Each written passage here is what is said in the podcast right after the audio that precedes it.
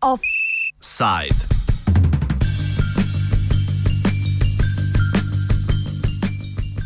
Odkriti novi notranji sovražnik.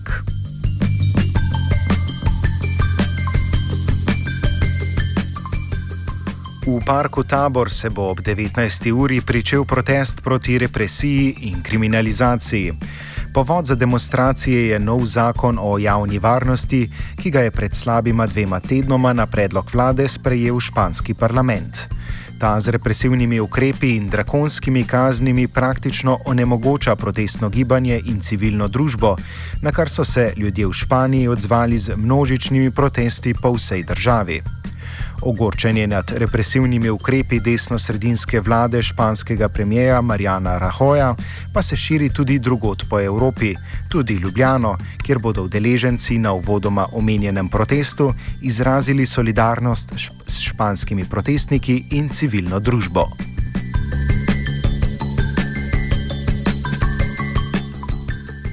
Francisco Jurado, profesor prava iz Sevilje, meni, da je to odgovor vlade po treh letih preučevanja metod organiziranja preko socialnih omrežij civilnih gibanj v Španiji. It's uh, a result of the last year's protests in Spain. Uh, they have studied uh, methods uh, that we have used to protest, especially uh, with the internet, with Twitter and Facebook. Uh, and we have created a law uh, pretends to avoid um, the typical uh, prote- uh, protest and demonstrations that we have made in the last three years. It's a, a law uh, specially made uh, for these um, uh, social movements that appeared three years ago.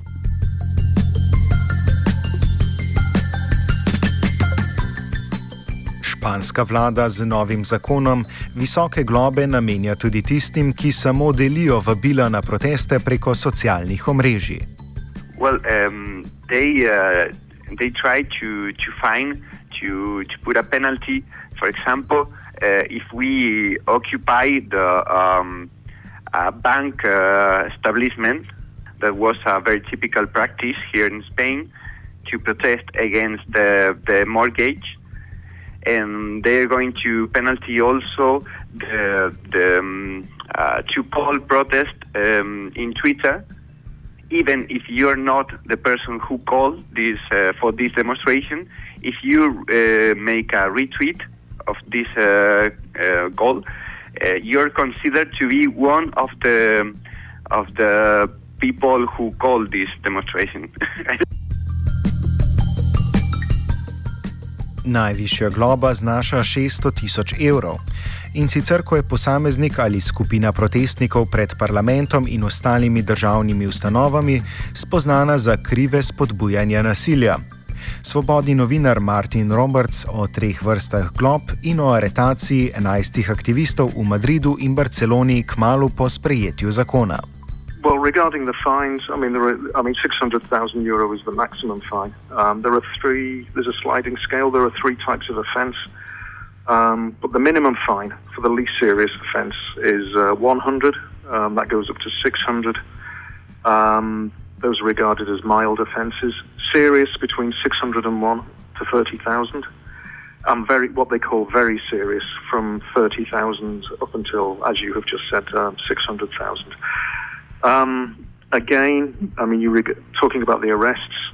Um, yes, I mean, as the law has only just been passed, I mean, nobody seems to be quite sure how it should be interpreted, but. Um, you know, certainly, I mean, there have been protests and there have certainly been complaints that the, uh, the law is being applied in a very strict sense.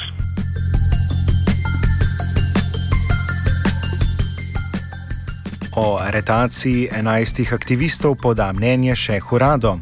Ta meni, da so aretacije in zakon plot potrebe po novem notranjem sovražniku.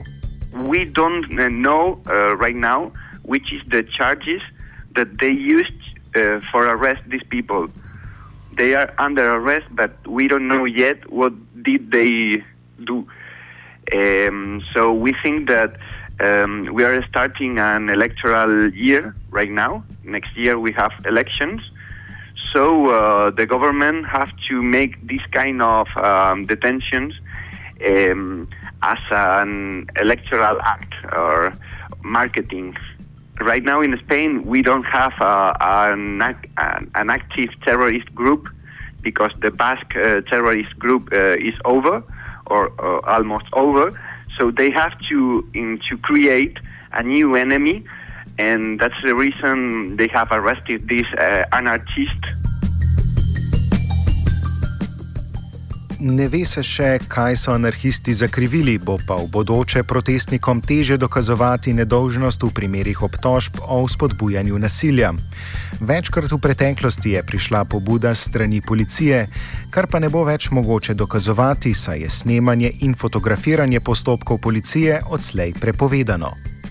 Uh, we try to record everything that happens in a demonstration in order to demonstrate after that um, the protesters are peaceful and uh, sometimes uh, it's the police who start a riot.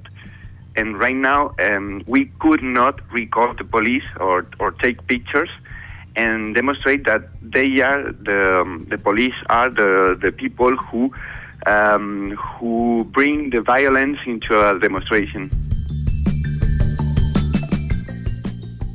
Novi zakon ne omejuje le protestnikov in ljudstva pri z ustavo zagotovljeni pravici do združevanja, temveč omejuje tudi novinarje, zaključi Roberts. Um, one thing that news photographers, and as a journalist, this is something which um, has come to my attention. Photographers, one thing they uh, made very clear is that the new law also forbids people from taking pictures of um, of how the police act during protests. because in the past couple of years we have had violent protests where there have been conflicting opinions between protesters and police. Um, protesters saying that the uh, the police overreacted and were too violent, and the police saying that they were provoked. But again, in the um, so in that context, um, they do appear to be restricting um, reporting rights by saying that news photographers can no longer film the police when they're um, it, during their actions in protests. I mean, in that case, yes, they're restricting reporting. And also, there are other controversial elements of the law because they are no longer, these are just going to be fines. I mean, the, um, anything that happens, it won't go through the courts, there won't be any trial. I mean, people can be fined immediately, so, and it's very difficult to appeal against that. And um, also, when it comes down to evidence. Um, and the law also says that um, the security forces are to be believed over civilians. So that those things all make it very controversial. Offside je pripravil počivalšek.